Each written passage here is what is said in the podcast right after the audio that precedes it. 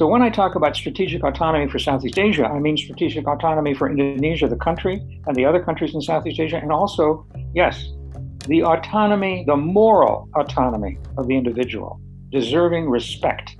Freedom can be extreme. I'm very upset by libertarians. I really resent their arguments because it amounts to, you know, in a crowded movie theater with no danger, standing up and shouting, fire, fire,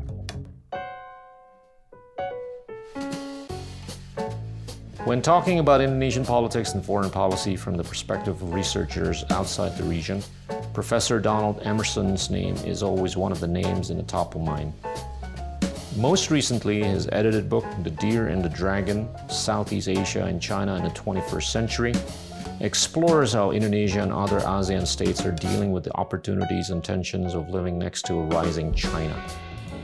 To discuss this critical and timely topic, Professor Emerson who currently serves as the Director of Southeast Asia Program at Stanford University, will be our latest guest on Endgame. We will discuss his views about Indonesia's journey towards its own endgame in the context of its history, politics, and position in the now intense rivalry between Washington and Beijing. Enjoy this episode.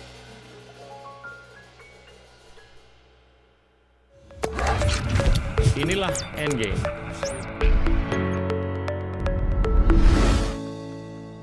Hi, Don. Welcome to Endgame. Thank you. Thank you, Gita. Good to be here. Thank you. It's so good to see you, especially wearing the batik. Uh, I know you've been a big fan of Indonesia, Southeast Asia, and the world. I want to I want to ask you a few questions uh, in this session. Uh, let's let's start off with how you grew up. Uh, I know you were born overseas. I mean, outside the United States, and and how you got interested in whatever you've been involved in the last few decades. Well, you know, the answer to that question would take more time than we have, needless to say. Um, in my opinion, and I always say to myself, Don, you could be wrong, right? So keep that as a kind of constant footnote in what I say uh, in this interview. But in my opinion, my life, uh, fortunately, very, very, very fortunately, has been quite unusual, uh, at least in contrast to the life of an average American.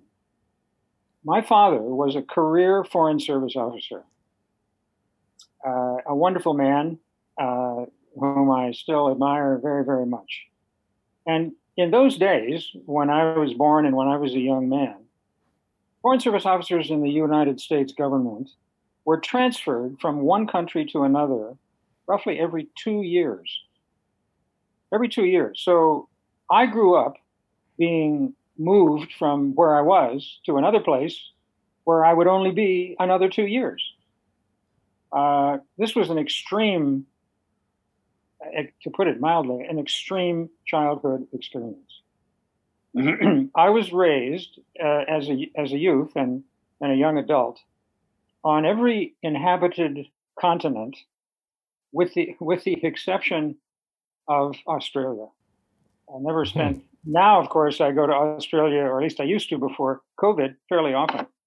Uh, so, just to give you an idea, and I'm not going to talk about each one of these countries, but give you a sense of my own background, I was born in Japan. The next country that I lived in was Peru. After that, the Soviet Union. After that, Pakistan. After that, India.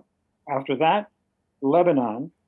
And after that, although by then I was not living 365, 365 days a year with my parents, we have to add Nigeria. Wow. That's where I wrote one of my papers in college on the Ahmadiyya movement wow. uh, in, in Nigeria. And then the last country is now called Zimbabwe. In those days, it was Southern Rhodesia. Yep.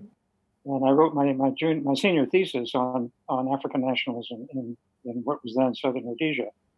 Now, you know, you can imagine with that kind of a background, my memory of it and talking about it with other Foreign Service kids who were going through the same process was that there was no middle ground. There were those who loved it, as I did. I mean, it, maybe it became an addiction, a drug, travel, the novelty, new faces, experiences. Yes, of course. Leaving school that you were just getting adapted to for another school and setting aside the language that you probably tried, or maybe you didn't even bother to try, but if you did try to learn, you probably didn't learn it very well. And suddenly you're in a new country with a new language, right? And some of my young friends, I remember once in Moscow, uh, the son of a Foreign Service officer said to me, You know, Don, uh, as soon as I become old enough to make my own decisions, I'm going to go back to the United States. I'm going to go to Iowa. I'm going to look for a small town and I'm going to meet the first good looking girl that I, you know, that, that I meet. I'll marry and we'll settle down and we'll never move again. And this individual, a very nice guy, couldn't stand the instability excessive diversity, variety. My God, every two years, you know, something new. Your your podcast is the end game. My life has been the beginning game, the beginning game, the beginning game, and in a way, they never ended. At least they never ended in the same place. But I'm on the opposite extreme. Right. Opposite extreme. Because my heavens, what an extraordinarily rich immersion in what is, in fact, one of the most intriguing and interesting facts about the human race. It's diversity, right? Correct. So, you know, in Bhinneka Tunggal Ika terms, I was Correct. all about the Bhinneka. I was all about the Bhinneka. And then the question would arise, and I'll shut up in just a second, but you know, you touched a flow of memory. Oh, this yeah, this is good. I took care of the Bhinneka, or my parents did. But what about the Ika? What about mm. the hmm. unity? Once I was in the middle of the Atlantic Ocean as a, as a young kid. I was very young. And the first thing you did when you got on a ship in those days, when you were like maybe 10 years old or something, is you found out who else the little kids were on the ship. And then you got to know them and you, and you tried to, for example, sneak into first class without permission. That was a lot of fun running all over the ship. So there we were. We had just left uh, the United States, uh, bound for, for Europe. And uh, a kid turned to me and he said, Where are you from? And, and I said, Well, I'm from, I forget the number, stateroom 302 on the second floor. You, you take the elevator and you go down two floors. That's, that's where I am because that's where my family was and where I was sleeping. And this kid said, No, no, no, no, no, I don't, no, no, you don't understand. I don't mean that. Where are you from? And I repeated the same thing. And this went on and on, and I started to cry. And I left and I ran back to the state's uh, stateroom and I asked my mom, you know, wh- where, where am I, where am I from? And she explained the whole thing to me. But what that meant was that my oh, parents, my mother in particular, right. whenever they were in a new country, my mother pretended they would that we would be there for the rest of our lives. Once we had to stay in a hotel in Karachi for about six months in Pakistan, and the drapes of, of the you know uh, down across the windows were preventing sunlight from coming into the room. And so she went down to the desk and said, you know, the drapes are much too heavy. I have two kids and they need they need fresh air, of course, and they need sunlight. So could we please replace the drapes with something that will let the light through? And the guy at the desk looks at her and he says, Madam, I don't think you know what a hotel is really about. In other words, the guests can't demand to change the decor of the room, right? But she persisted and she won. And so we had light. And so everywhere we went, uh, mind you, uh, if my parents had divorced, then you know I my might be oh that would that would have been terrible because that was the one ika in my life, my parents, right. wherever they were, and so I'm incredibly grateful to them. And you know, it, it it leads to some interesting conversations. I know in college, for example, you know, I have a couple of beers right, and you're sitting around talking, and I would ask the following question. I would look at these guys because in those days where I went to school, Princeton had no women; right. it was only men. And I'd look at the guys and I'd say, okay, I'm going to give you a choice. Imagine that you're standing in front of two doors. Behind one door, you know, are 30 of your favorite friends guys, women, whatever that you've known for a long time, but you haven't seen them in a long time. Hmm. And you want to you want to open that door and see them, or do you want to take the other door? Now, the other door, behind that door, are 30 people you've never met, never met, and might might not even meet in the future. Which door do you choose? And inevitably, they chose the first door to reunion with, you know, uh, their friends from long sure. before.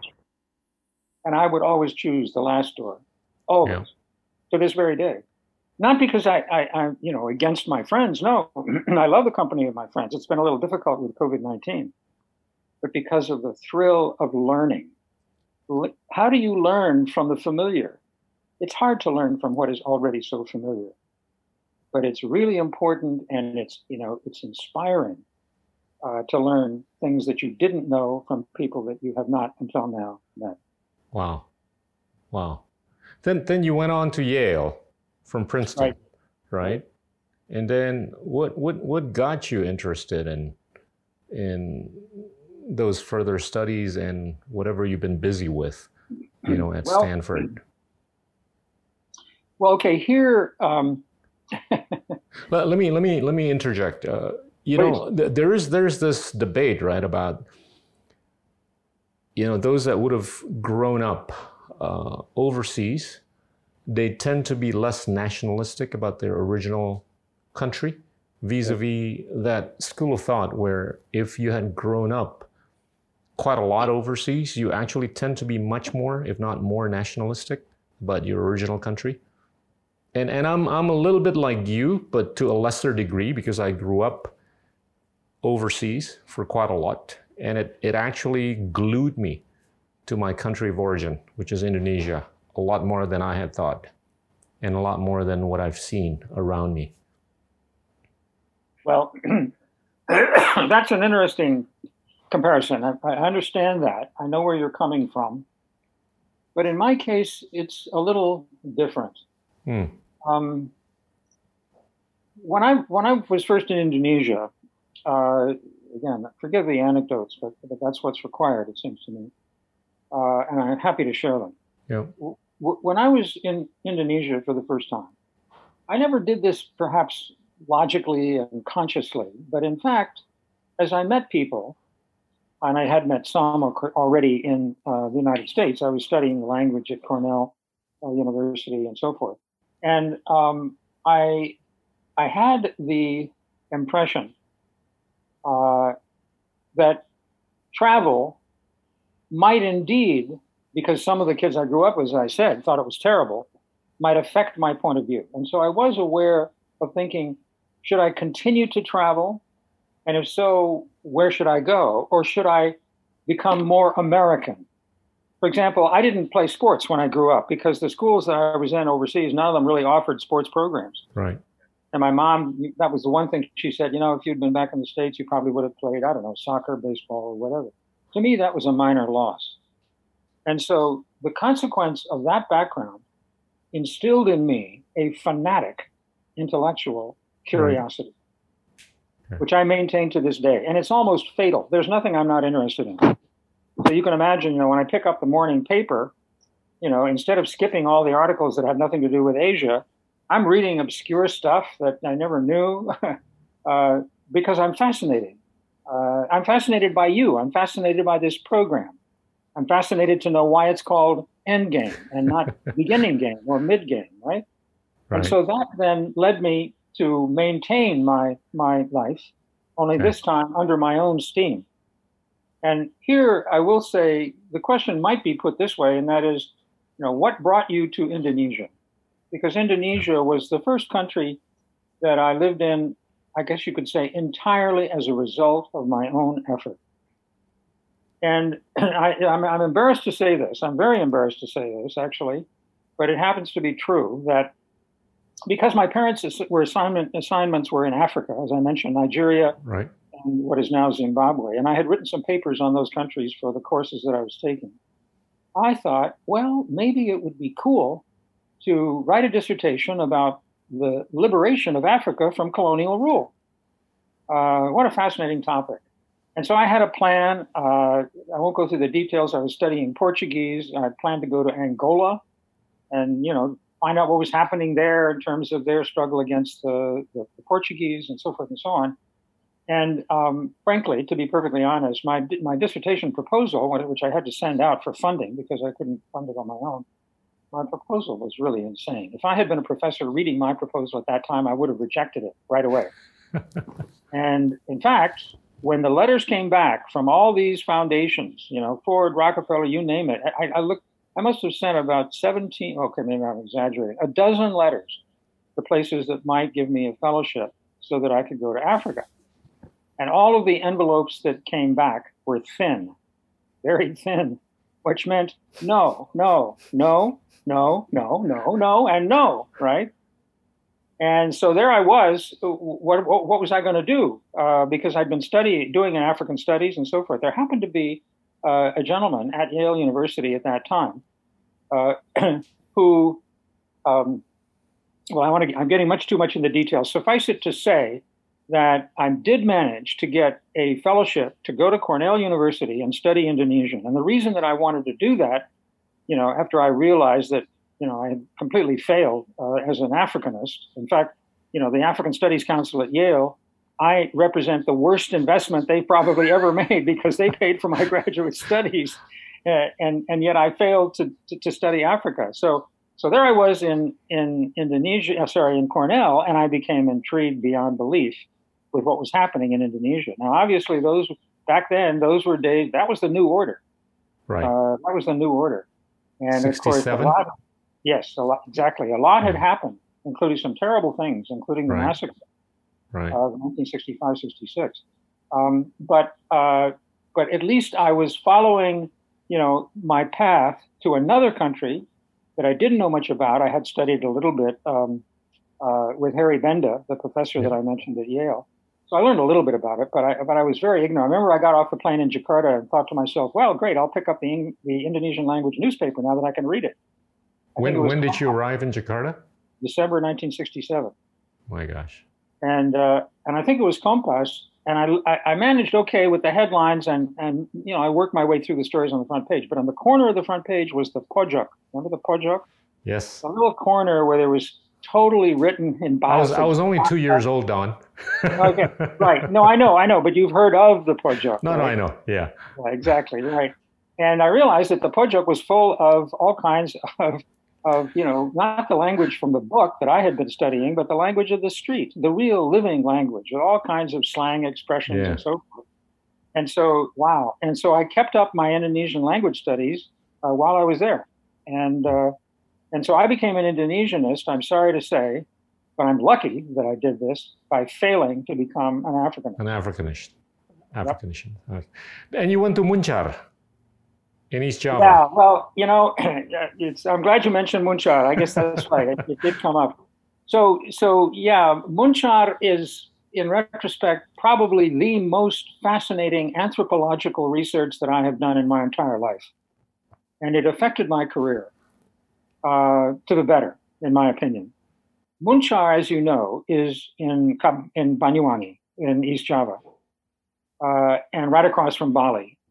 And in those days, I'm not sure, I haven't checked lately, I'm not sure what the case is now, but back then, around 1974, Muncar's fisheries, offshore capture fishery, Muncar's fisheries were the largest such complex, but one, with one exception, and I forget where that was exactly, in Indonesia at that time.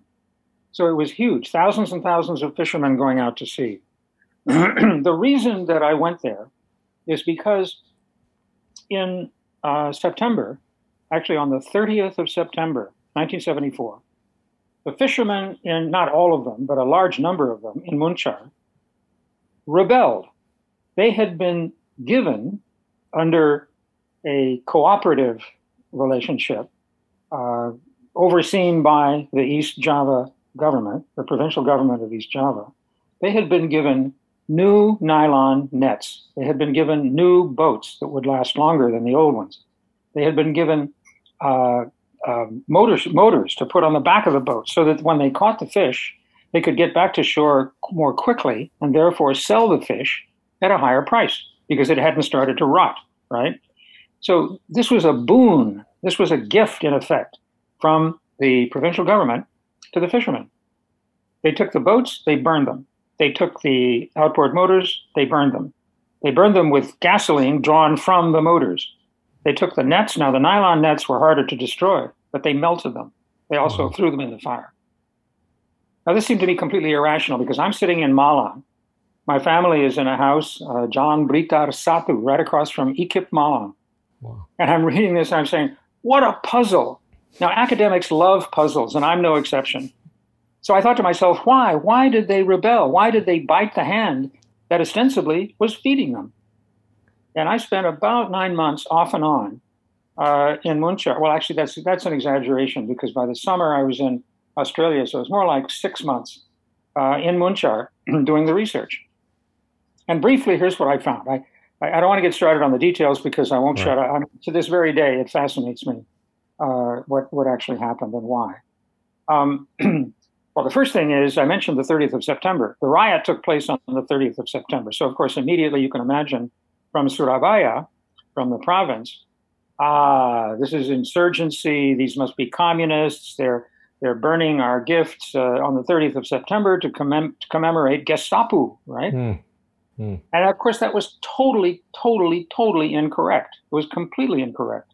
Right. Because even though Surabaya wasn't that far from Muncar, the calendar that mattered in Muncar, because remember, the fishermen were overwhelmingly Madurese and Muslim, many of them quite devout. What mattered in Muncar was the lunar Muslim calendar the month of Ramadan, 13 Ramadan was the actual date on which the event occurred. Okay, so, so the first explanation, it took me like, you know, I don't know, two or three days, not more, to completely throw out the window. So then it remained, well, why, why did they rebel? And if I can leap, as it were, to the end game, right, because I don't have time to go through all of the, the discovery, the research, the field research that I did, here's, here's the result. Inequality, in some circumstances, can be legitimate in the eyes of the oppressed. Mm. Now, that's hard to take morally, yeah. but empirically, there's a lot of evidence, not just in Muncar. Sure. Because what the government had done, the, the, the title of the piece I wrote is Orders of Meaning. That is, the order of meaning, the understanding of the world that prevailed in the capital of East Java, in Surabaya, was different mm. from the one that prevailed in Muncar.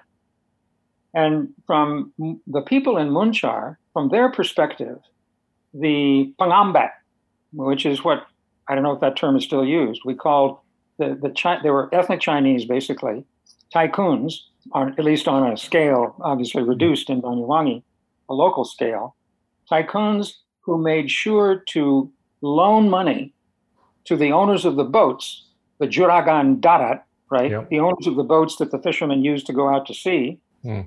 And then in return, the owners of the boats, the Juragan Darat, would loan money to the fisherman. For example, let's say a fisherman's daughter has a wedding coming up. It's quite expensive. The fisherman can't afford it. Well, the Juragan Darat would say, you know, I'm, I'm happy to I'm happy to loan you blah blah blah. And you don't have to pay it back. Now, in a capitalist, individualistic society, when you get a loan, you got to know you got to pay it back, right? I mean, you know, unfortunately, Donald Trump never learned the lesson. That's one reason he's no longer, thank God, the president of the United States. But for the fishermen, this debt, they knew they couldn't break the debt. If they repaid yeah. the lender, that would be an insult to the lender. The lender would be furious. Instead, the fishermen realized that these, these were, this is a matter of wang ikatan, wang ikatan, because the fishermen were terikat. Yeah. They had to continue to go out of sea, and, and frankly, they got very little of the profits of the of the catch. So they were being economically exploited. There's no question about it.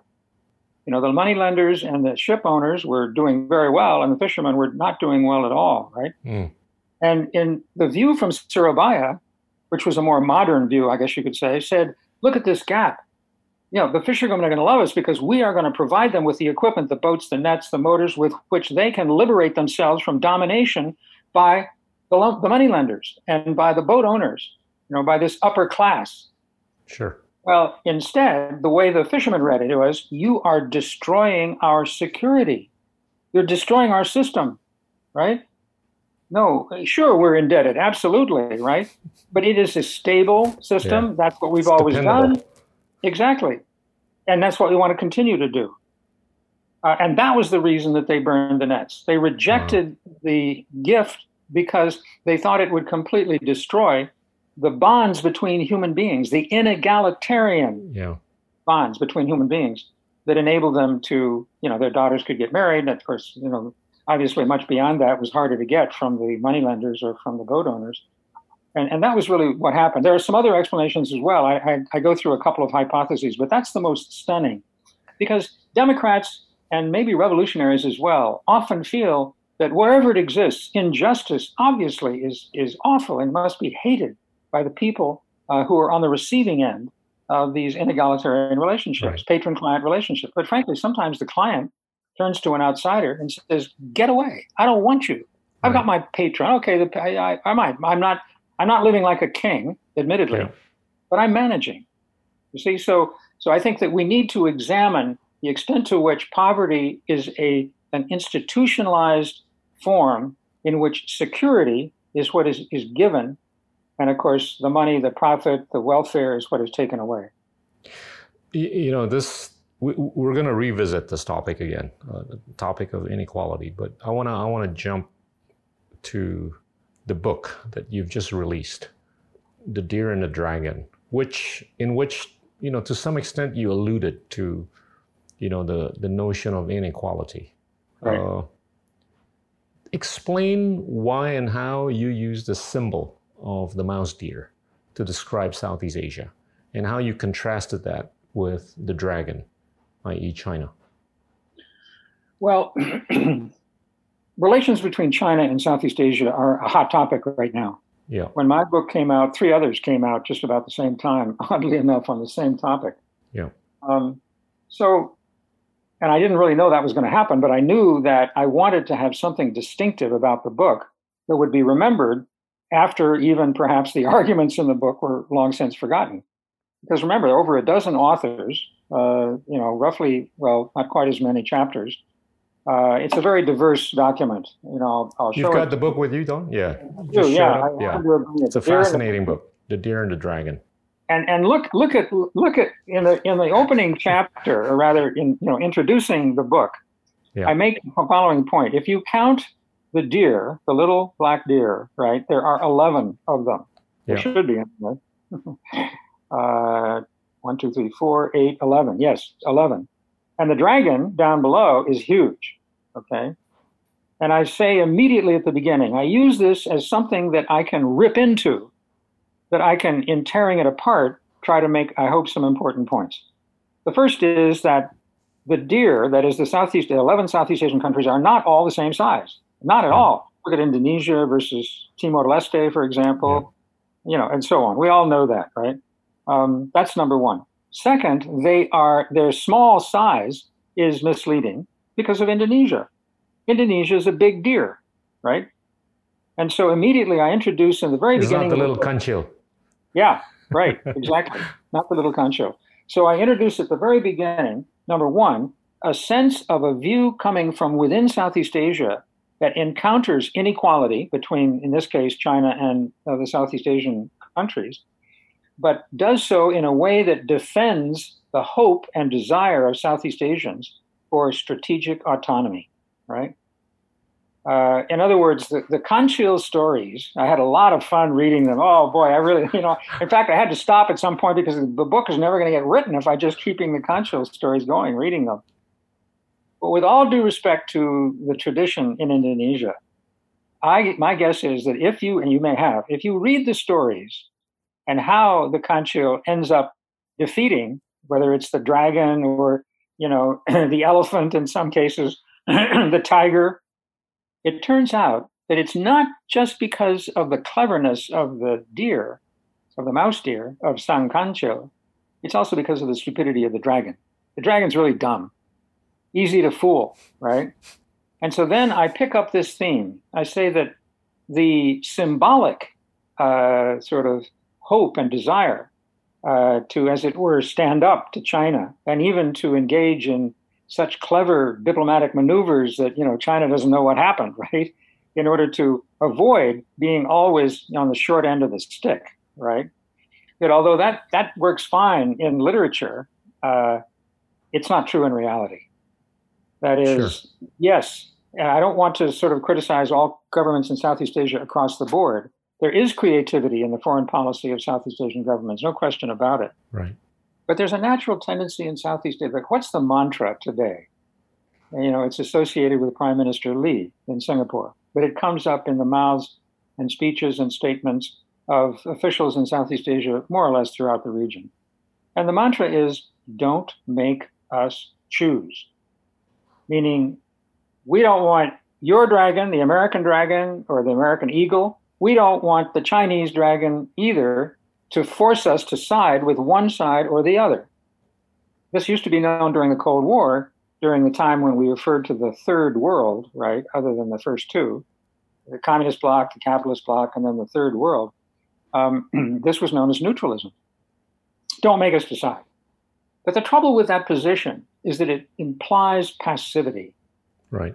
You know, it's sort of like um, uh, uh, Diantara dua karang. We remember that the origins of independent Indonesia's foreign policy very much operated under that aegis, the notion that we must cleave a path diantara dua karang. In those days, one, of course, the West, and the second would be the communist East. But if you if you put it that way, remembering that the karang are fixed, they're in the water, they're not moving, you're moving. And if you want to stay exactly between them, right, you give up the autonomy of your foreign policy. It's right. dictated by distance. In other words, you completely surrender your national obligation to have foreign policies that serve your country, your people, not the people, people in country, uh, another uh, set of people in countries. So that's the way I introduce the topic. Now, uh, then what that means, of course, and again, this is not coincidentally in keeping with my own background, right? I'm, you know, I'm all Bhinneka, Bhinneka, Bhinneka, Bhinneka. Is there is there Ika about Southeast Asia? Yes, and I admit that ASEAN in particular. But in the book, not only I, but some of the other chapters, yeah. but particularly I think my chapter, especially on the South China Sea, tries to demonstrate that ASEAN is simply not capable of really making a dent in the problem of the South China Sea. Yeah, it's just it's just not able to do that. Um, you you alluded to the the possibility or the fact that there's not a whole lot of unity or not as much unity as there needs to be, as right. as one reason. Yes, yes, that's that's absolutely right. Not as much unity as there needs to be, and uh, that's that's evident on so many different fronts. I mean, let's just briefly, we can return to this if you wish, talk about democracy. You know, some people who use languages that may be a little bit harsher than I would use um, have referred to ASEAN as a club of dictators. Yeah. Now, that's, that's unfair. Uh, it's certainly unfair to the four countries, remember, only four of the 10 countries in Southeast Asia qualify as partly free. That is, you know, more or less sure. free under the Freedom House aegis. And remember, Freedom House is an American organization. Uh, its methodology can be criticized. I'm not defending Freedom House necessarily, but they do every year issue a comparison, a ranking. And the current situation is that there is only one country in Southeast Asia that is free, with no adjectives. Uh, and that, that, that's right, Timor Leste, which yeah. is not even a member of ASEAN.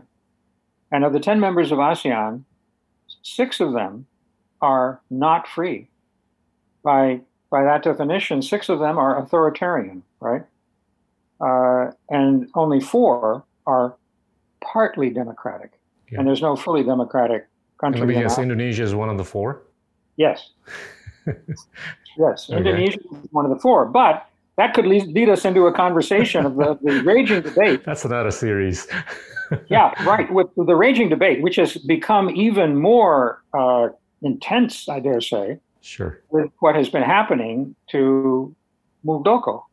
Yeah. Right. I mean, we could talk about that. That's, of course, that's a very recent event. Uh, we don't know quite how it's going to turn out and so forth. But for some who look at it, it reminds them of the manipulation that Suharto did with regard to the PDI and other parties that were so, there were ostensibly opposition parties, but they were basically, you know, there to support the government. Right. Um, and, and, and, and some of my colleagues, compared to my colleagues, I think I am a little bit less pessimistic, perhaps, maybe, maybe naively so, uh, in hoping that Indonesian democracy is certainly going to. I'm sure. I'm sure in some form it'll survive, but it may survive as a rather illiberal uh, democracy.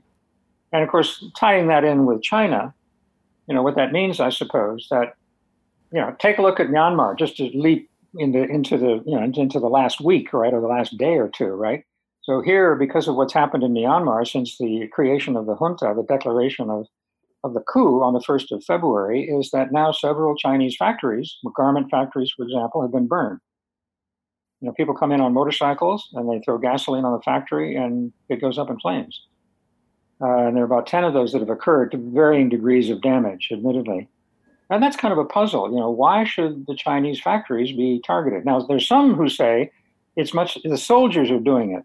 The hmm. regime is burning the, uh, the factories. I have, I have great difficulty believing that. Yeah. I mean, you know, the regime is in many respects evil. the death toll is what, 150 or more? and it shows no sign of, of slowing down. Uh, but they're not dumb. They're mm. smart. And why they would burn down the factories that lead back to Beijing, uh, a country which is one of the few countries, well, maybe, I mean, without going through the, the, the whole list, right? right? That actually, when, when the Americans talk about democracy, democracy, democracy, looking at Myanmar, they look at Myanmar and talk about stability, stability, stability, which is exactly what the junta wants to hear. So why would the junta burn these down? Seems to me more likely that these are done by individuals who are not only appalled by the coup, but very worried that China will come in to support the coup makers and mm. squash democracy in, in Myanmar. What, what, what do you think could be the way out of this? You know, the situation in Myanmar. Well, that's. A, I mean, that's I mean, some some some people might have thought that if the junta would know that there's a way out for them, that could lead to a way out of this you know, unfortunate situation that we're seeing in Myanmar? I would like to think that there are reformers inside the junta, inside mm. the Tatmadaw, inside the military, who might, as the killing goes on, say, enough, enough. Right. We can't go on like this. We've got to work out something. Now, they wouldn't probably be committed to full democracy, no.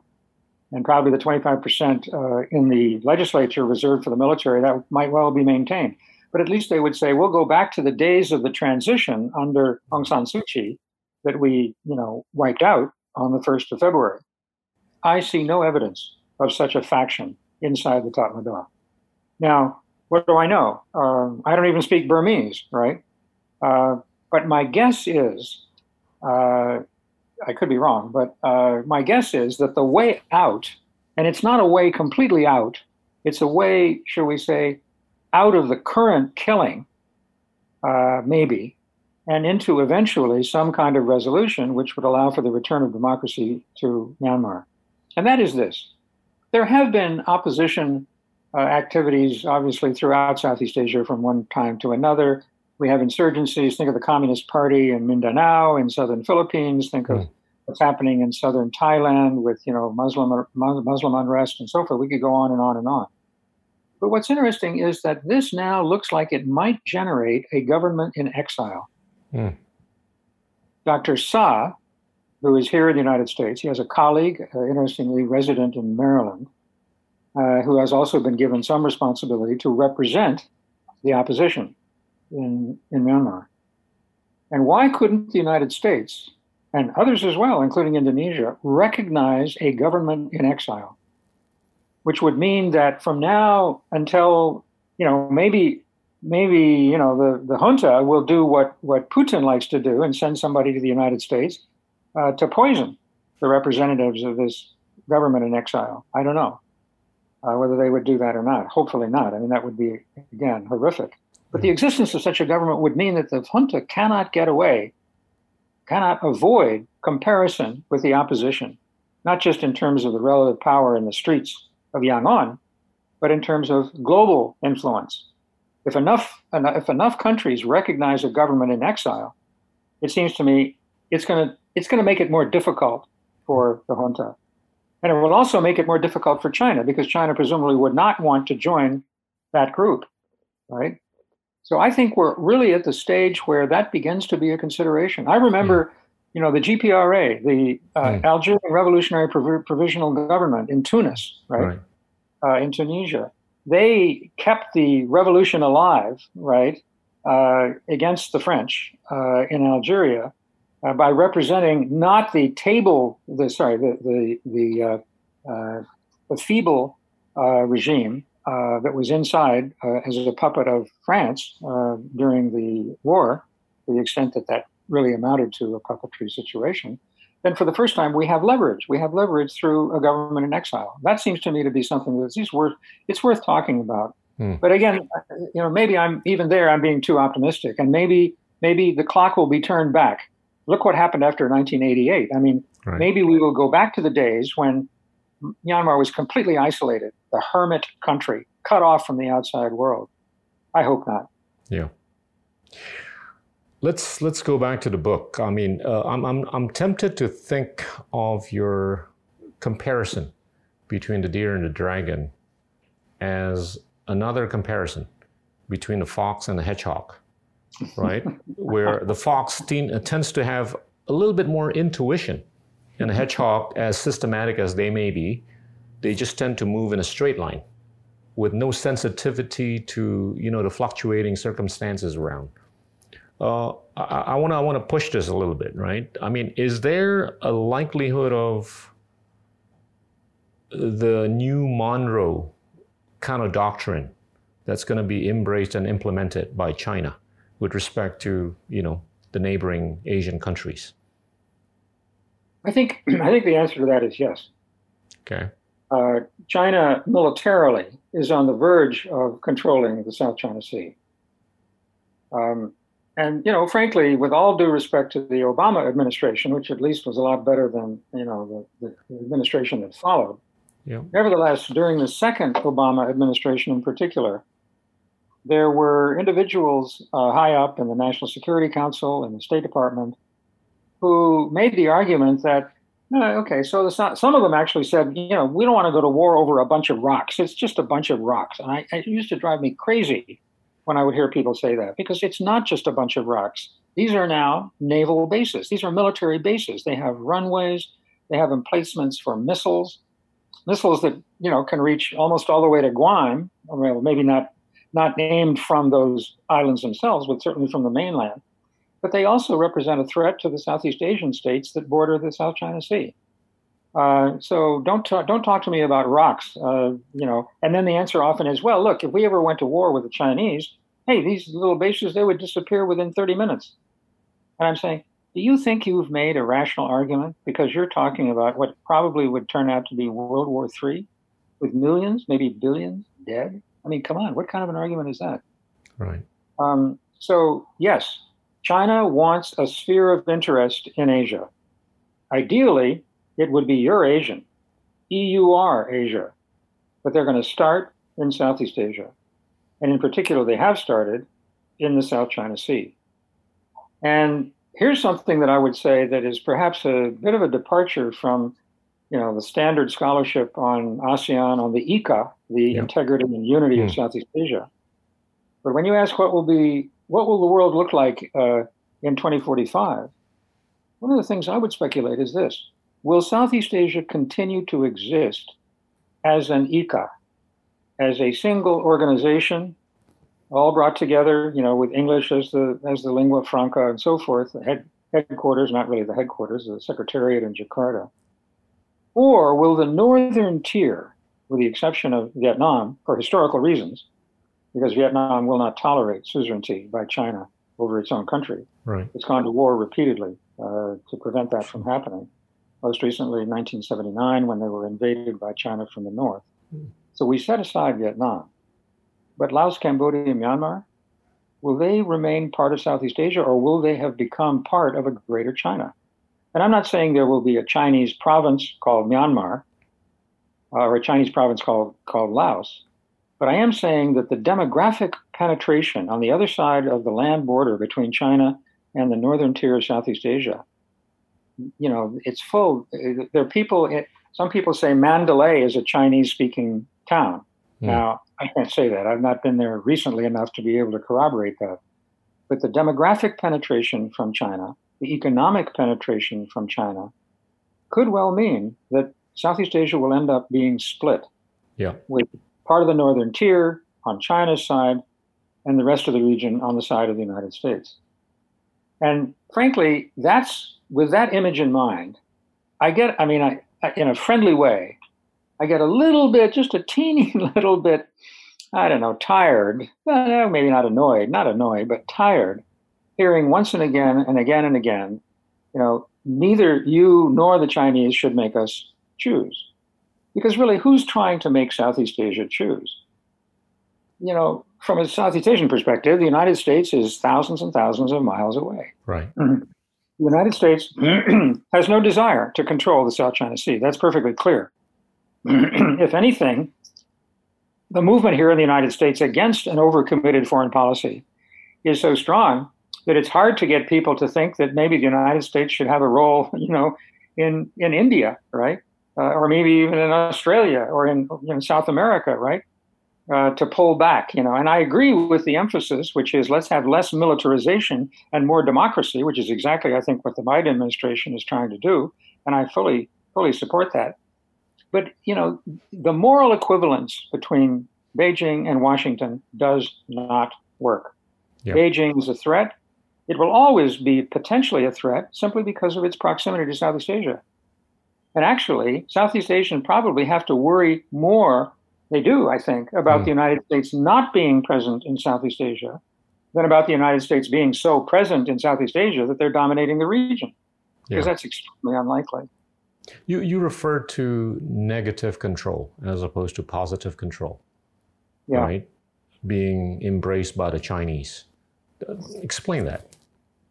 Well, this is part of a, of a small one person campaign that yeah. I have uh, made uh, sort of a, a, hobby almost, or at least uh, focused on for some years now, yeah. which is to try to persuade uh, the United States and other countries to get together and simply sign a one sentence statement, not 23 paragraphs of bland, you know, this or that, just a single sentence.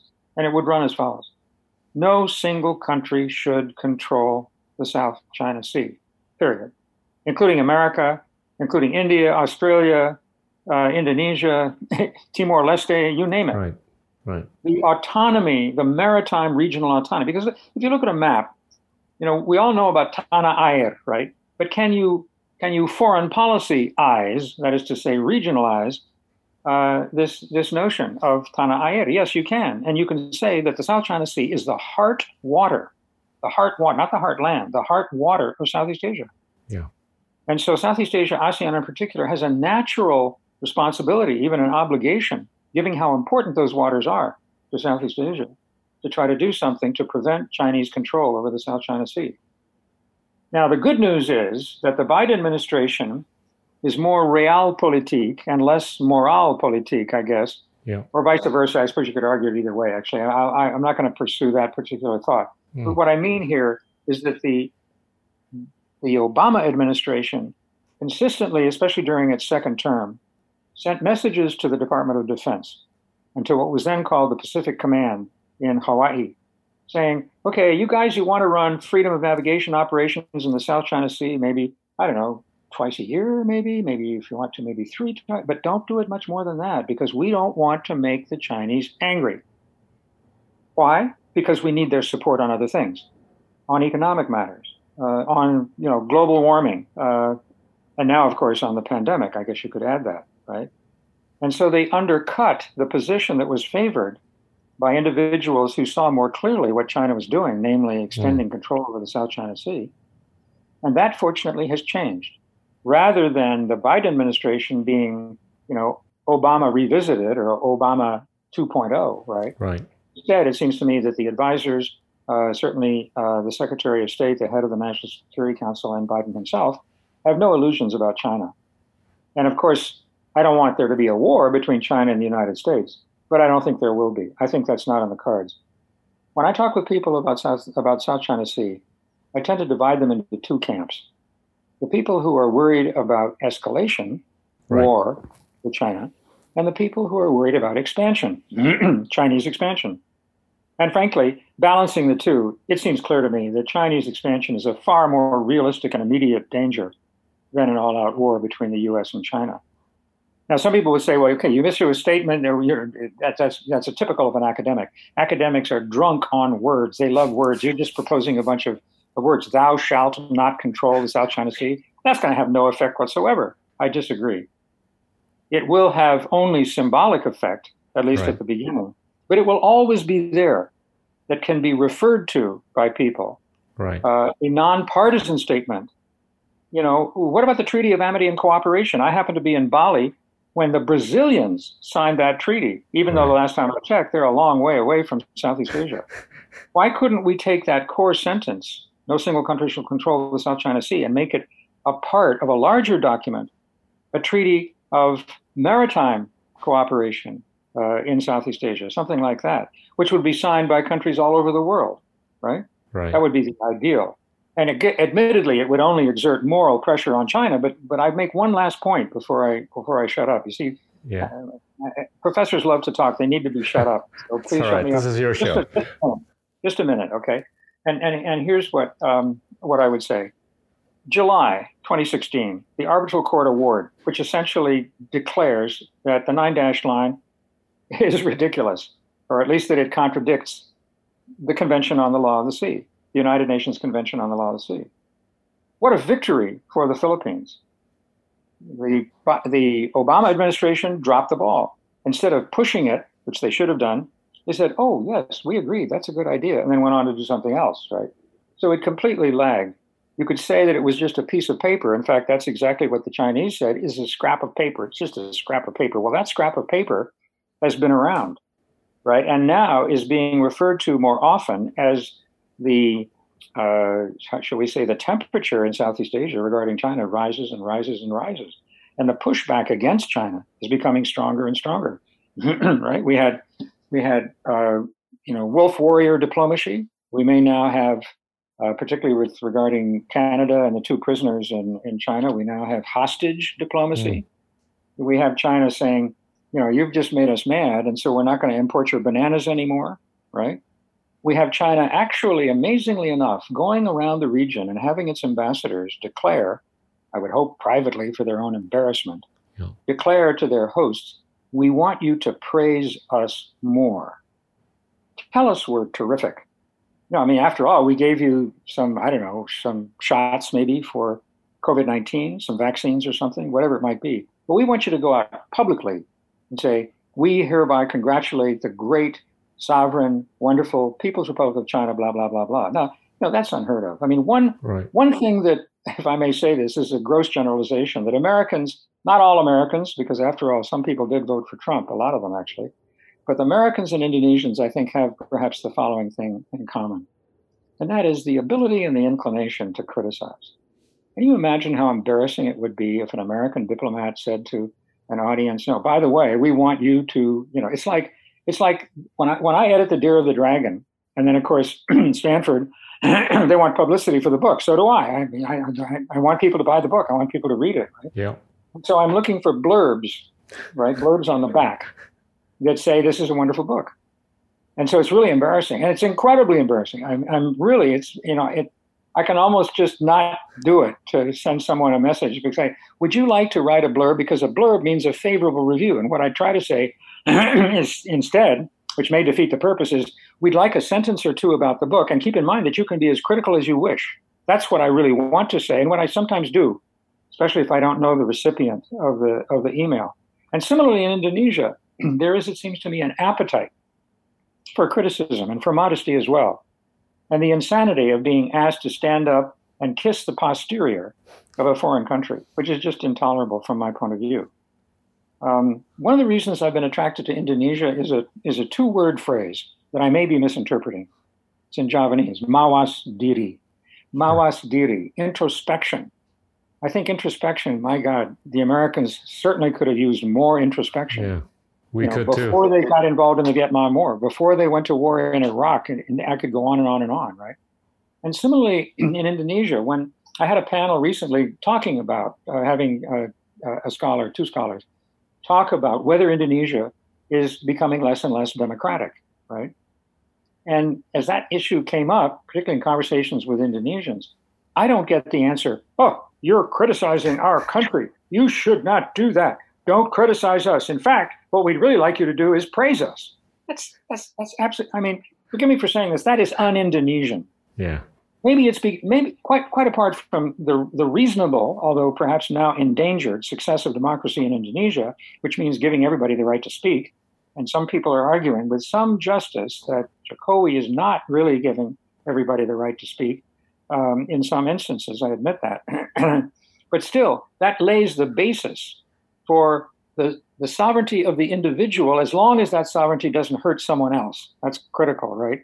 So when I talk about strategic autonomy for Southeast Asia, I mean strategic autonomy for Indonesia, the country, and the other countries in Southeast Asia, and also, yes, the autonomy, the moral autonomy of the individual, deserving respect.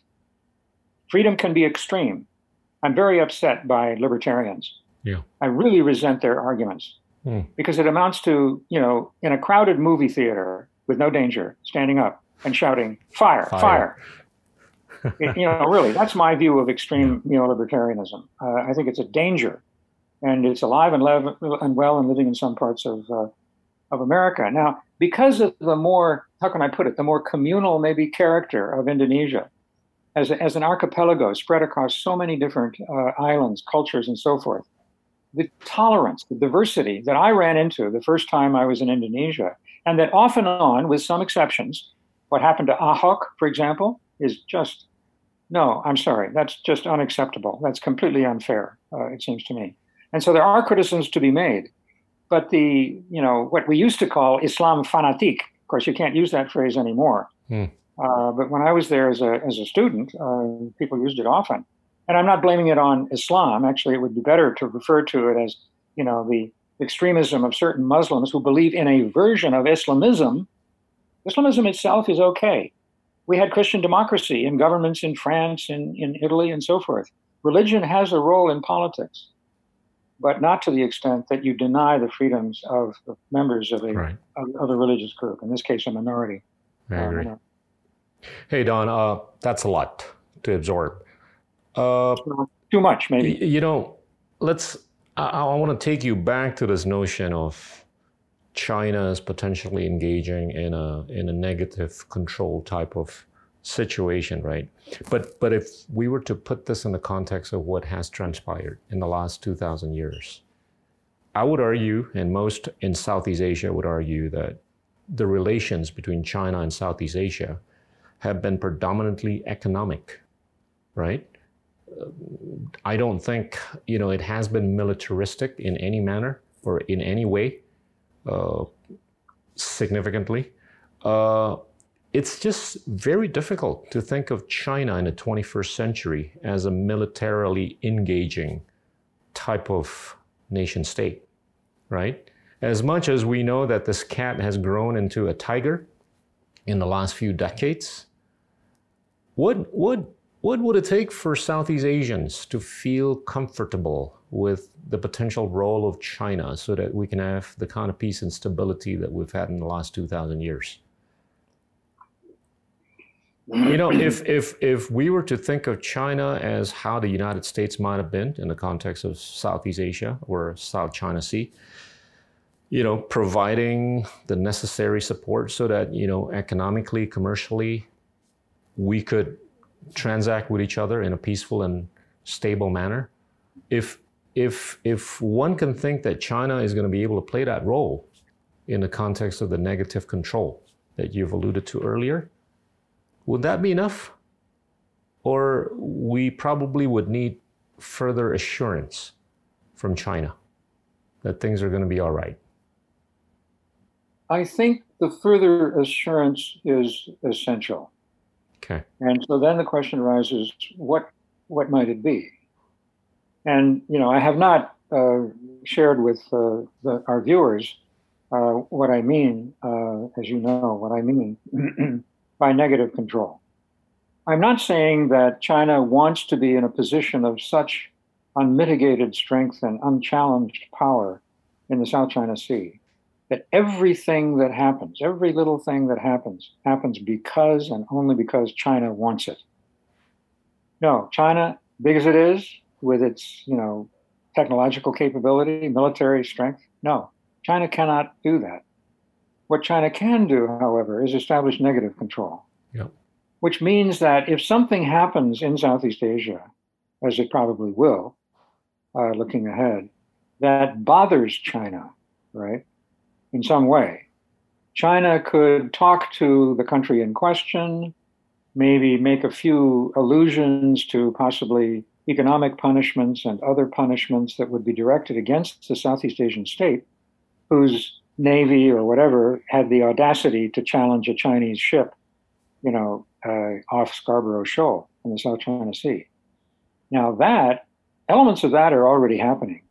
Right. One of the least discussed and most evident exports from China doesn't show up in the trade data. It's the export of self censorship. Mm. That's exactly what China is trying to do in ASEAN. China is trying to split ASEAN. It may succeed, especially if the northern tier, minus Vietnam, ends up succumbing to a greater China. Uh, uh, you know, the role of the proxy veto, uh, whether it's Laos, whether it's Cambodia, China would like to have other proxy vetoes so that they can be guaranteed that ASEAN will never pass any resolution that criticizes them. And already, of course, for diplomatic reasons, which I understand, you know, ASEAN is reluctant to criticize China, but it still technically has the power to. So, what this means is the argument for regional autonomy, which means autonomy of the region, right? And presumably ASEAN is best equipped to represent the region. If that doesn't happen, then how can autonomy of the individual member countries be maintained mm. against Chinese pressure? You're absolutely right in the sense that, you know, the Southeast Asians have conveniently divided the roles they assign to China and the United States to two different sectors. They say to the Chinese, we're going to trade with you, come invest in us. And, and these are good things because the Chinese have contributed to the boom in Southeast Asia over decades. There's no question about it that when China grows economically, provided it doesn't make the mistakes that it's been making recently, and provided it doesn't covet ownership of land and water in Southeast Asia, uh, the way it did, for example, and continues to do on the border between China and India, or the way it tried to do in 1979 when it invaded Vietnam, although I think they were prepared to deliver the punishment, that's what they called it, and right. then retreat. So it is possible to work out a situation in which that that you know specialization occurs. China takes care of the economy, the Americans take care of security. But that doesn't make any sense for Southeast Asia because it reduces the role of Southeast Asia, again, to being passive, autonomous, the recipient. I'm the recipient of Chinese aid, and sure, we'll stand up and praise you. You're really a good, good set of people. Thank you so very much.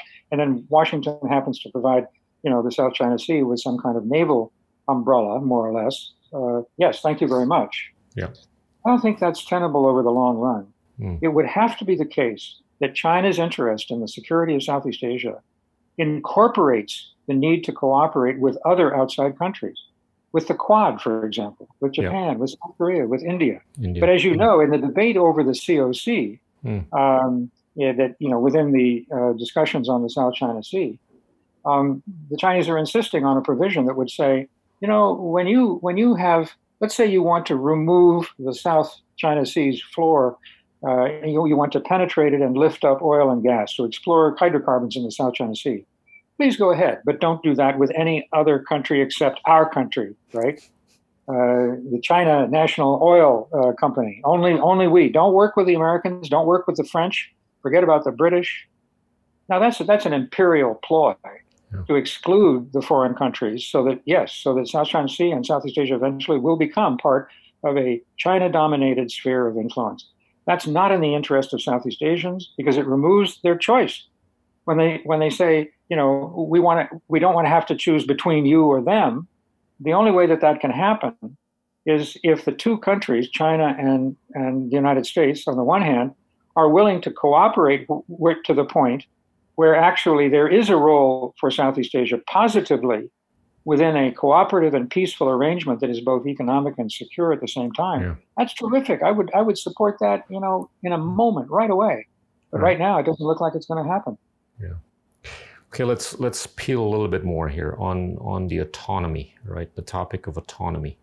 I, I look at countries like Singapore in Southeast Asia as one of the few, if not very few, that seems to be able to be having a level conversation with either China or the United States. And and I could I could hypothesize that that's correlated with their ability to have educated themselves quite nicely in the last few decades, right? Do you think, or in your view, Indonesia is one that could actually create a much more autonomy for itself by way of educating itself? If, if let me give you some figures here. If I take a look at the comparable or comparative marginal productivity of Singapore at $170,000 per person per year on a PPP adjusted basis, that compares significantly much higher than that of Indonesia, which is at only $24,000. And I think I would argue that that's somewhat correlated with, you know, how we're a little bit slacking with respect to Singapore on, I don't know, the fields of science, the fields of communication, and many other things. Now, to the extent that we can improve upon these metrics in the next couple of decades until 2045, would that actually improve our ability to be more autonomous? Yes. Right? Practically. Yes, it would. Other things being equal, it would. It Yeah. certainly would. No question about it. So, no, I, I, yeah. completely agree. What what what do we have to do, Don? I mean, it. I think just to be pragmatic about this, I think if we just get our act together in getting more educated, more efficient, more productive, and whatever, I think we can enter the table with a relatively much higher position of strength, right? Be it with anybody with China or the US or the Europeans, Australians, and what have you. Uh, I think you know we recognize that China is no longer the honorary member of the world. They are a true, real member of the world, and they have gotten a seat at the table as the United States would have had in the last few decades, right? So, in order for us to have a level conversation with either China or the US or be able to get the other ASEAN countries to stay unified and united, I think we've just got to get our act together. And so other countries in Southeast Asia. So if, if that's the way forward for the 10 nations in Southeast Asia, then I think, you know, we could have a much brighter future for ourselves and with respect to any superpowers out there, be it the United States, China, or India in the 21st century.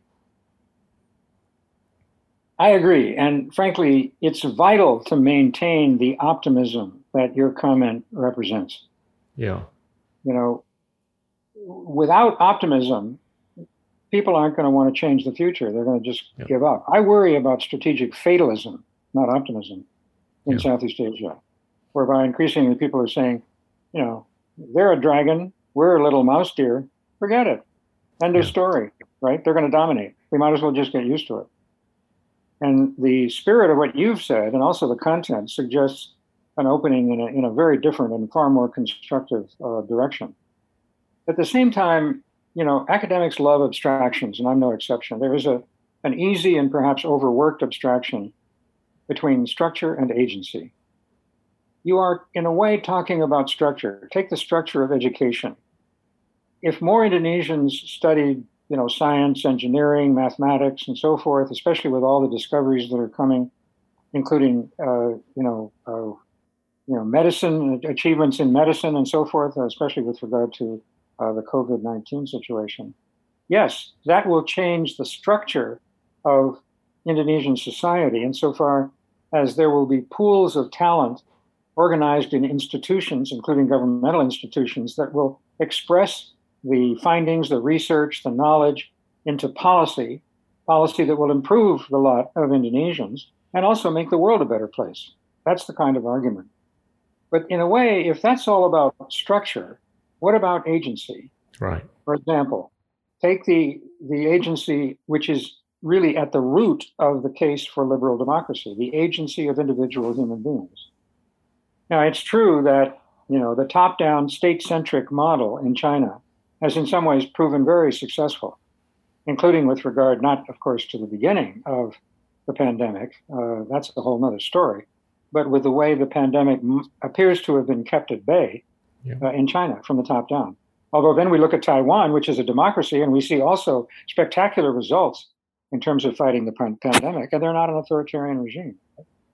So I think that the future of Indonesia inside ASEAN, ASEAN depends on the extent to which they can foster the agency, yes, of individuals Yeah. who have the knowledge to be able to improve Indonesia and its role in the world, uh, to build a structure to support that improvement, but at the same time, without the ability to speak one's mind and to do the research that you know one is passionately hoping to do, uh, it's going to be very difficult.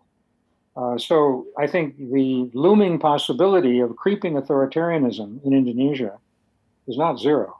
It yeah. needs to be looked at and it needs to be kept at bay.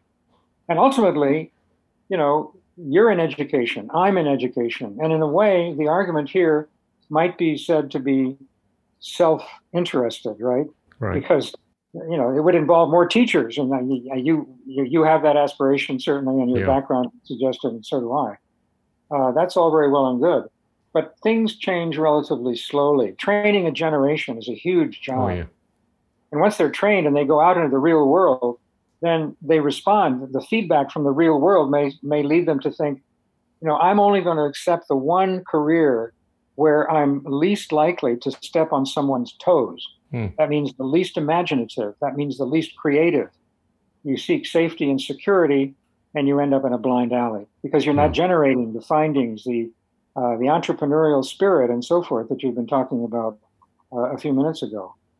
So I think there's a tremendous role for Indonesia. I mean, you know, the standard statement about Indonesia is that Indonesia is pitching below its weight. Yeah. Uh, well, you know, I mean, yes, to some extent that's true. I remember Susilo Bambang Yudhoyono, right? What was his foreign policy? We want a million friends and, and no zero enemy. enemy. I'm yeah. sorry. That is a popularity contest. Yeah. It's not a strategy, right? right.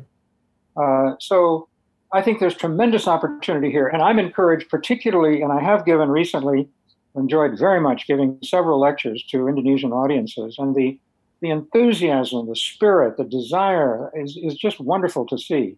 And it's a bottom up kind of thing. And it's being stoked under the auspices of you and this podcast as you bring you know millions of Indonesians together with ideas, some from from inside the country, some from outside the country. It's it's really exciting, and it, kind of restores my faith in you know going all the way back to when I first arrived in Indonesia and basically fell in love with the country. I mean that's you know it's it's uh, it's heartening to hear you say that, and I'm certainly on your side of the argument. We are going through an episode where I think we could see uh, you know, seeing Indonesia show a bit more leadership with respect to Southeast Asia, right? And and I think we've been blessed with the idea of having shifted, you know, from trust deficit to this huge strategic trust that has entailed, you know, great degree of centrality within ASEAN, right? But but at the end of the day, you know, I think each member of the union has to get its act together. You know, he or she needs to basically just get educated, get more proficient, get more efficient, get more productive, mm-hmm. so that as you enter the building, as you enter the room, you can enter the meeting with that position of strength, like like as Singapore has. And I think you know, with only 5.5 million people, they can enter any room having a relevant discussion about anything. And we've seen how they've been able to shape the thinking of the elites in China, the elites in the US, you name it, policy making wise, academically, commercially, economically, and all that good stuff.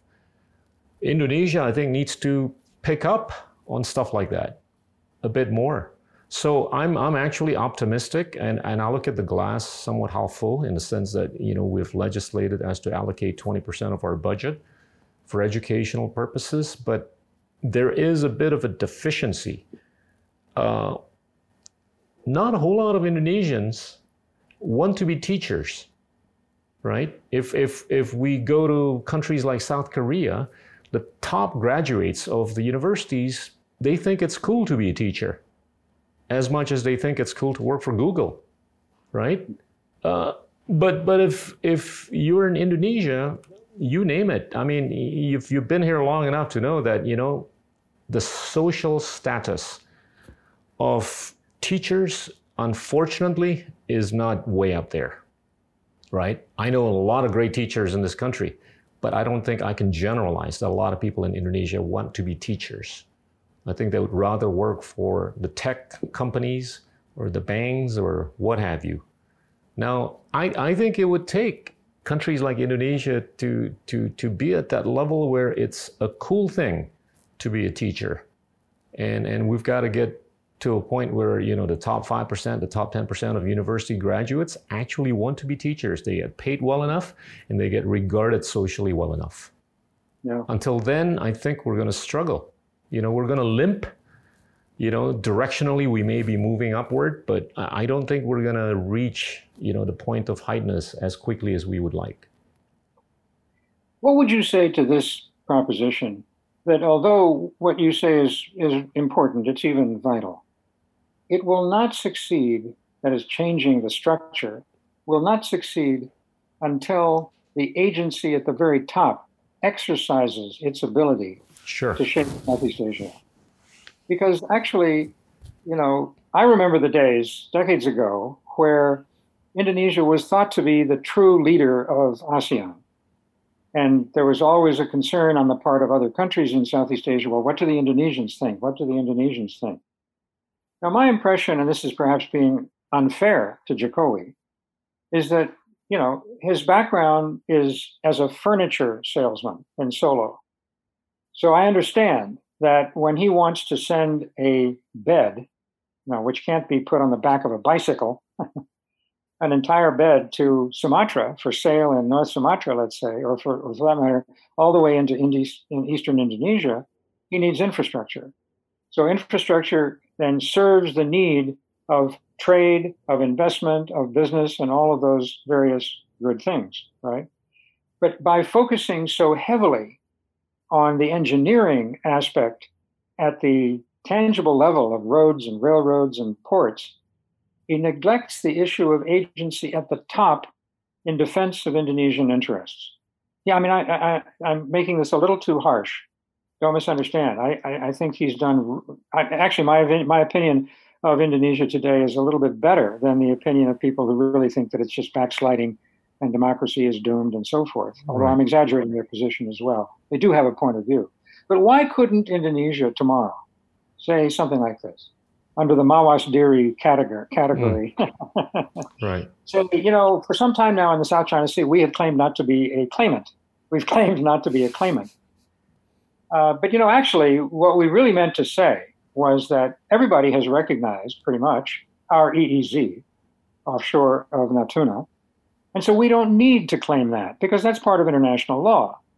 And when the Chinese, or for that matter, anybody else, Vietnam, Malaysia, when they cross that border and begin fishing and pulling up hydrocarbons from under the ocean inside of our exclusive economic zone, then yes, our claim to that zone immediately uh, appears, and, and we defend it, and we will continue to defend it. And go beyond that and say something like this. You know, maybe this is a little too much candor.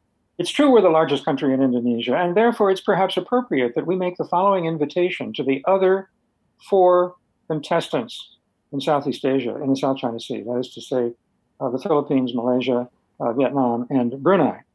And we propose that the five of us uh, I remember what you said about Brunei. yeah, right. They rarely showed up. exactly.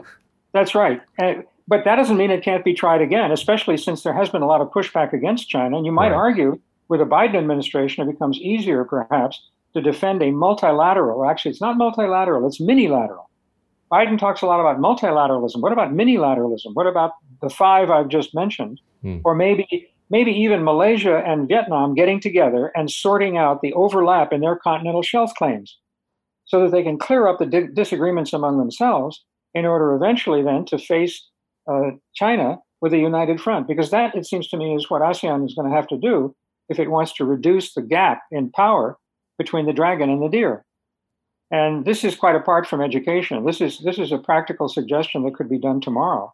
I'm not saying it will succeed, but it, it should try. And then, and even if it doesn't succeed, people will remember and they say, you know, when um, when Retno, when Retno Marsudi, uh, of course I'm inventing this obviously, when Retno Marsudi made this proposal, you know, wow, we were kind of interested because we don't we don't hear from Indonesia a lot very often. We haven't really for quite some time. And so even though the proposal didn't quite work out, we're delighted. We're delighted that she's back on board with us in trying to do things inside ASEAN that will improve the region and will establish a regional autonomy, not just a collection of countries with their respective national autonomies. Mm. And if we take a look at what uh, Retno did with regard to Myanmar, that's potentially encouraging. I say potentially yeah. because initially, of course, when she agreed to meet with the junta, that did not go well on the streets of Yangon, uh, obviously, right? Uh, because it's sort of, you know, co- sort of coalescing at the top to make decisions that will affect the bottom.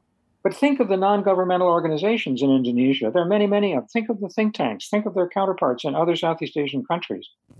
I, I, the Institute, uh, the ASEAN Institute of Southeast Asian Studies, was an invention that um, uh, a good friend of mine, uh, an Indonesian, once actually attributed to me. Said, you know, the reason we have this joint arrangement of think tanks in Southeast Asia, Don, is because you suggested it. And I, I remember thinking to myself, well, gee, I mean, come on, I, I, no, I mean, thank you very much for the compliment, but I'm sure there were a lot of other people that wanted that idea uh, implemented even more than I did. But the point is that at the level of track two and track three, people like you, people like me, why aren't they at the forefront? When was the last time that the think tanks of Southeast Asia got together? You know, maybe a so-called expert. I hate the word expert. I really don't. I don't consider myself an expert. So let's not say expert. The, the let's say the the thinkers. Okay, to all them thinkers, whatever you want to call them, they come together and they try to, on purpose, generate a whole bunch of proposals, some of which they know are unrealistic, simply to put on the table because an unrealistic proposal sitting on the table can nevertheless stretch the mind of the diplomat who's accustomed to thinking inside the box only. And he looks at this idea and says, well, that'll never happen. But then maybe he'll think, well, you know, actually, maybe if we tweaked it a little bit, or maybe if we talk to the Thais, you know, see what I'm saying? There's a there's an opportunity for creativity that Indonesia could meet if it wished to, given its present uh, composition of leaders and thinkers and scholars and people like yourself, and that would that would have a dramatic uh, impact, it seems to me. Yeah. Because that's that's an advantage that the nations of Southeast Asia, except for the ones that are so tied to authoritarianism that they quash creative thought entirely, Unfortunately, they're still fairly rare, maybe simply because the technology is not that advanced to enable a government, let's say in Laos, to actually accompli- accomplish that. The realm of creativity is wide open, and the door is open, and it's welcoming Indonesia in if Indonesia merely wants to walk through that door. Right. Let's let's talk. Let's uh, shift gear to democracy. You've you've been big on talking about democracy all over the world, right? Uh, I wanna I wanna be the devil's advocate here we've we've gone from the stage of individual democratization to the stage of market democratization to that of data democratization. One could argue empirically that each one of these stages has not really yielded the kind of equality that we would have wanted in terms of welfare and also equality of opportunities, right? if, if, if we take a look at the Gini coefficient ratios of many democracies around the world, it's actually gone up in recent years. Uh, how do we beat this? How do we remedy this if we want to keep ushering, embracing democracy going forward? Or perhaps there needs to be a remolding or reshaping of democracy so that we can have the kind of equality of welfare, equality of opportunities that we would have envisioned a long time ago? I think the ending of your question is the beginning of my answer to okay. your question. Okay. I have long debated with American colleagues whether an illiberal democracy is still a democracy. Hmm. I mean, technically it is if you use the phrase. You've got the adjective, but it's linked to the noun, democracy.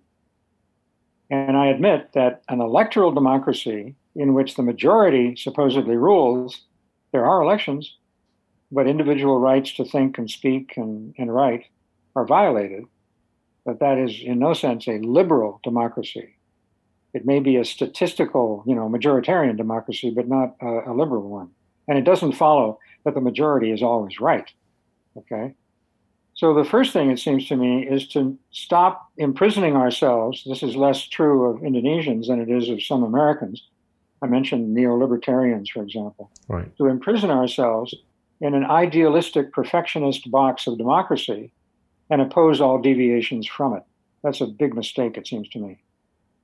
But how far do you go in welcoming shaky democracies, semi democracies, partial democracies? The Bali Democracy Forum could have been right. a major initiative by initiative by Indonesia to try to address this question. A related issue is whether we should be talking about governance more than talking about democracy. Because governance gets us closer to performance, to output, rather than just input. And if a democracy is making incredibly stupid decisions, American democracy is a case in point from time to time on certain issues, right? Then what's the point of having a democracy to begin with? Yeah. Right? And so, ways in which we can operate by inserting and protecting what I like to call pockets of autocracy, pockets of autocracy inside a democracy. The court system, all the way up to the Supreme Court in the US, is a good example. And when Trump tried to destroy American democracy, one of the first things he did with his henchmen was try to destroy the nonpartisanship in the Supreme Court, to bring in people that he thought would simply be puppets of himself. Right. Fortunately, they, they haven't been. I mean, they've made some decisions that I certainly strongly disagree with, but actually they, they've been relatively autonomous. There's a, uh, there's a colleague at Tsinghua University. You may have seen this book. I think it's called The Legitimacy of Inequality, yeah. something like that. Mm-hmm. And, and there is an argument all in favor of governance and, you know, forget the equalization of rights between the leaders and the followers because the followers tend to be dumb and the leaders right. are smart and they're educated. So let them lead, right? The problem with that is it, it, it denies respect yeah. to the people who occupy the country for the most part. Yeah. And that's one reason why those people, if uh, if things happen as happened on the 1st of February in Myanmar, uh, are going to rise up. Uh, and again, I admit that stability is important. It's not more important necessarily than democracy. Sometimes revolutions may be necessary, but it certainly is important. Um, there was a meeting held in California, in Sunnylands, uh, Southern California. Uh, for various reasons, I was not there. But basically, it tried to generate like a charter or a statement about democracy to which Southeast Asian leaders and also South Asian leaders might possibly agree. Now, it was an academic exercise. Maybe that's one reason I was so interested in it, I guess. But it's time to rethink what we mean by democracy. Right if liberal democracy is the deification of the individual, that is a disastrous democracy. Mm. Uh, because, frankly, with the growth in the global population and with threats such as, uh, you know, climate change and pandemics, uh, no, uh, uh, you know, a mass of isolated individuals whose rights are being protected at all costs. That, that's that's a disaster in terms of any kind of a response to challenges that cross borders. Yeah. I sometimes make the contrast. I did this once in Strategic Review many years ago, published in Jakarta, and I've done it since. I make a, a contrast between what might be called mandate democracy on the one hand and cockpit democracy on the other. Right. And what I mean by that very simply is that if a company wants to come into a town and build a factory and the local people are worried about pollution, that's a mandate issue. Yeah. They should be represented, right? They should have a mandate to be to be represented to speak about well, what measures are you going to take to prevent pollution, right? Are you really need to do this? Maybe you could do this somewhere else. All of these kinds of discussions should take place as much as much as possible in a public setting with a lot of public participation, representation, if you will, a representative kind of democracy. On the other hand, if you're a pilot sitting up in the front of the plane and there's another plane that's coming straight at you, yeah. You're not going to get on the loudspeaker system and say, "Oh, by the way, oh, passengers," especially if you say maybe especially in first class because you people paid more. yeah. Okay, passengers, it's up to you. I want to vote. Should I turn right or left? You tell me. First, then they're dead. There's no time. And in a way, the pandemic, yeah. although it could have spread faster, it spread, Lord knows, fast enough, and it may continue to spread through variants.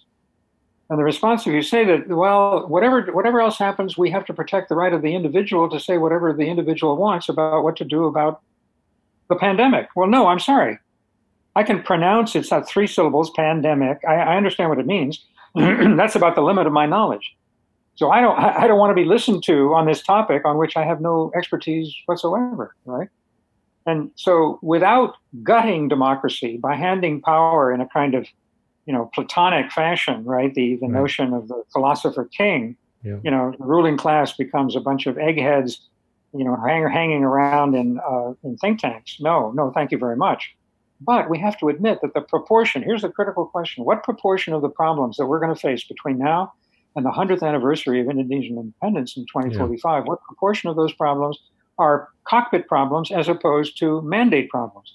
And my guess is that the cockpit problems are increasing in number yeah. compared to the mandate problems. Yeah. And that means that you're right. We have to rethink democracy.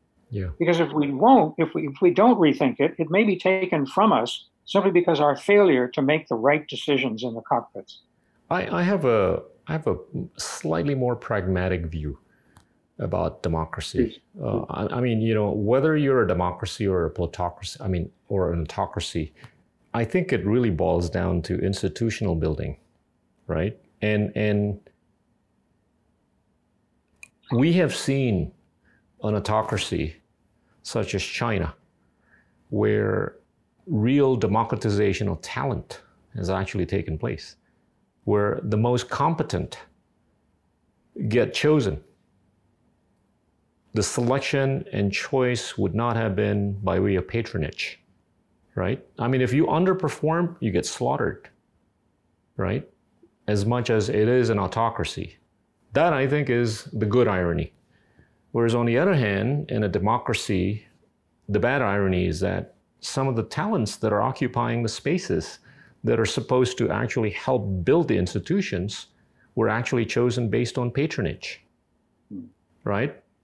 if if that were to get fixed, I think we ha- we can have a much more thriving democracy. And if if we were to peel that a little bit more, right? You know, we've got more than 500 municipalities, regencies, and provinces.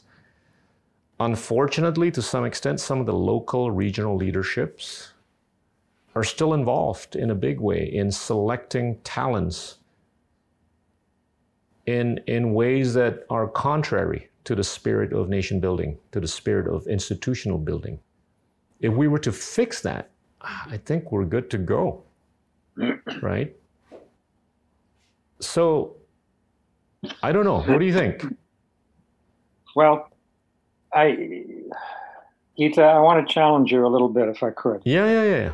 Uh, if you don't mind. I mean, you you say that uh, if you underperform, you get in trouble in China. Well, in a sense, if you overperform, you get in trouble. Yeah. Okay. Yeah. Well, I didn't say that. Okay. Yeah. Yeah. No, you, I guess logically you could infer. Yeah. Yeah, but it, you could say that. Yeah. If you over uh, overperform, then you're in trouble. Look at yeah. Jack Ma, right? Xi Jinping looks at Jack Ma, yeah. who's been incredibly successful, and says, "Ah, this is a challenge to my authority. Remember, I'm in charge here. Yeah. I'm the number one guy." Yeah. And and if you take a look at the anti-corruption campaign, there's an interesting question in China, which is what proportion of the people who are being arrested, tycoons and so forth, represent potential political challenges to Xi Jinping, who wants to be, you know, ruler for life. So, uh, you know, even if you look at the past, I mean, here's another example. Um, I know that Made in China 2025 and so forth, the effort to uh, control the market in you know solar energy, uh, high tech uh, developments, uh, you know Huawei and so forth, 5G uh, and all of that. It is nevertheless remarkable for this supposedly extremely uh, you know performing, high performing country that for all these years they have relied solely, not solely, that's not quite true, but almost solely on imports of chips. So in the supply chain, the critical input of chips, without chips, no computer, has been neglected. Right. Now, maybe that's because they thought they could always import uh, these items. And so it was just a matter of, you know, lack of foresight on their part. But it would also suggest that the entrepreneurial spirit, spirit involves also the intellectual curiosity spirit, which involves the scientific discovery spirit, of a large number of people, yes, admittedly economically better off than the masses, concentrating on the need to fill a gap, in this case, the, a critical gap in the supply chain for advanced technical devices. And so it seems to me, and not to mention the you know, how, how reliable are Chinese data uh, on economic growth? If the predictions of percentage improvement in GDP so closely match the actual output, you can either say that there are wizards at the top of the food chain in China who can predict exactly what that percentage is going to be, or you can say rather that there's fudging. Right. That if the percentage turns out to be embarrassingly high or embarrassingly low, presumably embarrassingly low would be much worse, then there will be convenient statistical manipulations to take place that will iron that difference out. Uh, so, not to mention what's happening in Xinjiang, what's happening in Hong Kong, what has happened and continues to happen in Tibet, what's happened in Ladakh, what's what may well happen in Taiwan, yeah. what's happening in the South China Sea. So, my view is that China is, let's put it as mildly as I can, a challenge, a challenge, if not a threat, to the security and survival of a number of countries as it reaches out with the desire to control its neighborhood, uh, particularly uh, Southeast Asia. And so I think Southeast Asians can do a lot, but you are 100% right. You're absolutely right that the need to focus on science, technology, and so forth at the institutional level in universities, uh, giving incentives, for example, from the government. You know, the free market ideal, the, you know, the Milton Friedman yeah. uh, freedom to choose ideal. Well, I'm sorry, that's pretty that's pretty archaic. It seems to me at the moment. You know, we may return to it in some halcyon future, but I don't see that happening. Yeah. So I think there's a there's a lot that Indonesia could do, but but I would hate the message to be something like this: wait until we have enough educated people, because right. that could take decades. Yeah. Meanwhile, stick your neck out. Yeah. One of one of the transliterations, or whatever you want to call it, from from foreign language into Indonesian, that I object to the most, uh, maybe it's changed. You tell me, is the adjective provocatif. provocatif is bad. Yeah. But Silicon Valley, at least used to think now they're they're chastened, right? So yeah. Silicon Valley used to be, you know, the the god, right, the idol, and now they're now they're in the doghouse for various reasons. Right. But they used to say, no, provocative is good. And as a as a pseudo intellectual, I, I I'm inclined to agree. Yeah. Thinking outside the box. I once, I mean, if I can lapse into anecdote, once at a meeting in Hainan, sponsored by the South China Sea uh, Research Institute uh, on the island, I gave a talk in which uh, I brought with me in my briefcase a, a T-shirt. and uh, this was a, a, luncheon talk, so maybe you'll forgive me for being a little bit loose in my performance. But I held up the T-shirt for everybody to see it. It says "Think outside the box," and then I asked for Mawas duty, particularly from the Chinese. And I said, "Come on, you know we're." You know, I don't know if anybody's recording this or not, but we're all here together, and you know, it's under the Chatham House rule. We're not going to cite each other, et cetera, et cetera. Tell me, what is the Chinese box? And how do you think inside it? And don't you wish that you could think outside it? And if you did think outside it, what thoughts would you have? And not just thoughts, you know, that that talk about Winnie the Pooh, right? That, that Xi Jinping is an idiot or something like that. No, no, no, no, no. Fascinating, constructive thoughts that might be pursued to some benefit to society, right? Are you limited in that way? And you know, maybe some would say, "No, I'm not limited. I can do all of that." Uh, some would argue that there's a huge wall, a thick wall, a Chinese wall between freedom of speech, which affects political matters, and then the ability of scientists to, you know, look into the microscope and reach their own conclusions. And I think that the origins of the virus in Wuhan show that that argument does not work. It simply doesn't work the punishments that were that were dealt out, the incentives of people at the lower level in China to over-report performance, knowing that that's what the upper tier wants to think. We talked earlier about Muncar, right? Right. About the hierarchy in Muncar. Well, there's a hierarchy in China as well. And the hierarchy does not stand in the interest of the Chinese people. So I'm at the moment, you know, I'm hoping maybe economic reform. Take this, take the SOEs, massively inefficient, you know, funded, kept, cosseted to some extent by the regime, by the, the Communist Party of China as the patron. And that's holding the Chinese people back from the kind of, yes, competitive search for knowledge that you and I take for granted because we work inside educational institutions. Okay. I, I, I do have the optimism that, you know, for us as a democracy to thrive all the way through 2045 would be on the basis of, I think, further institutional building. And, and if we could see a lot less misallocation of resources, if we could see a higher degree of democratization of talent, the right talents going into the right spaces, uh, I think we've got a good chance. Uh, you know, we've talked almost for 100 minutes, Don. I, I, guess I'm going to have to boil it down to the last question. You know, it's it's uh, it's it's so fun. Uh, yeah, it is. It is. It's a lot of fun. Thank you. Yeah. Let me let me end with the last question, okay? Yep. And and I'm going to try to put a few things in one here. The the pandemic, which you have alluded to a few times in this conversation, has caused many economies around the world to basically go through or potentially go through a deceleration of economic growth rates, right? Any deceleration basically would entail less ability to redistribute welfare, right? Because lower growth rates mean that you have a few more cakes. I mean, of you know, fewer cakes to distribute to people which would, I think, make it more difficult for inequality to be further remedied, at least in the near foreseeable future. This kind of like erodes our ability to, you know, see democracies thrive in a, in a good way in the near foreseeable future. So I, I think we've just got to be cautious about this.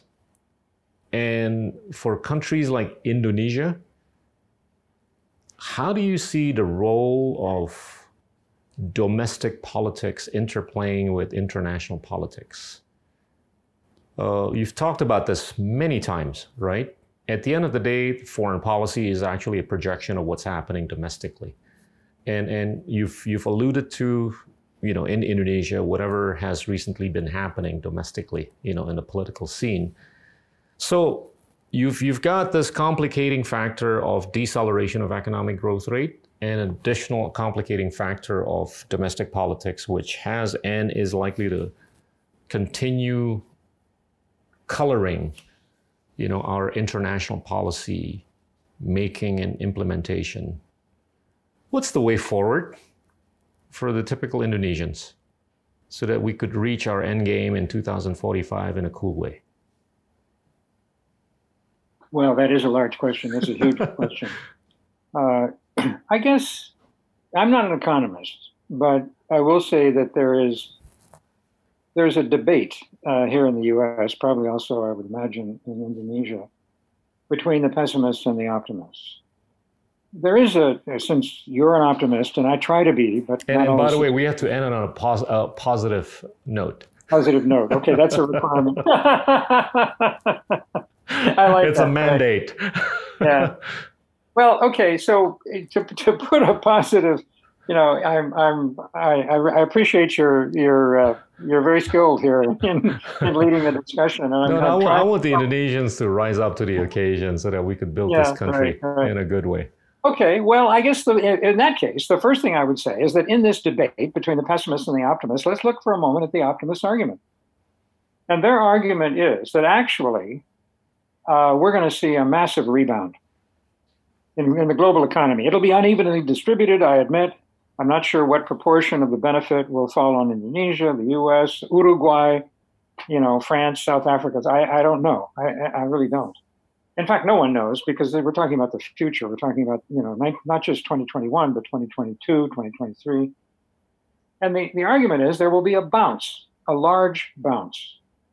Um, precisely because of the unavailability of opportunities to spend due to the six feet rule, the mask rule, and so forth. And I think the mask rule will probably remain with us in varying degrees from country to country for some time to come. The inability, in a sense, to purchase means that although poverty has increased dramatically, there's no question about that, and the Gini index has decreased also, no, it seems to me no question about that, despite variations from country to country. Nevertheless, there is a sort of a reservoir of money that didn't get spent. Let's say middle class money or maybe, you know, if you want to add the elite, upper class money. And once there's enough stability to allow for more in person activity so that we're not limited to Zoom, not to mention the limitations of Zoom in, in, in and of itself, which is particularly in terms of, of trust back and forth, right? I mean, when you're talking from one box into another box, you're necessarily thinking and speaking inside the box, but there's not the advantage of the corridor conversation that takes place at, you know, alongside an, an in-person conference where two people exchange very, very stimulating and valuable ideas, although I'm being a little romantic there. So, in any case, there'll be a huge bounce. And actually, the growth of the global economy will then be less of a problem than the possibility that that growth is not going to trickle down enough to the people at the bottom. And then we get into individual national uh, considerations. I mean, international aid, of course, matters and can contribute to that. Multilateralism, to some extent, can play a role in reducing in in within country uh, inequalities. But ultimately, it seems to me it's a national issue.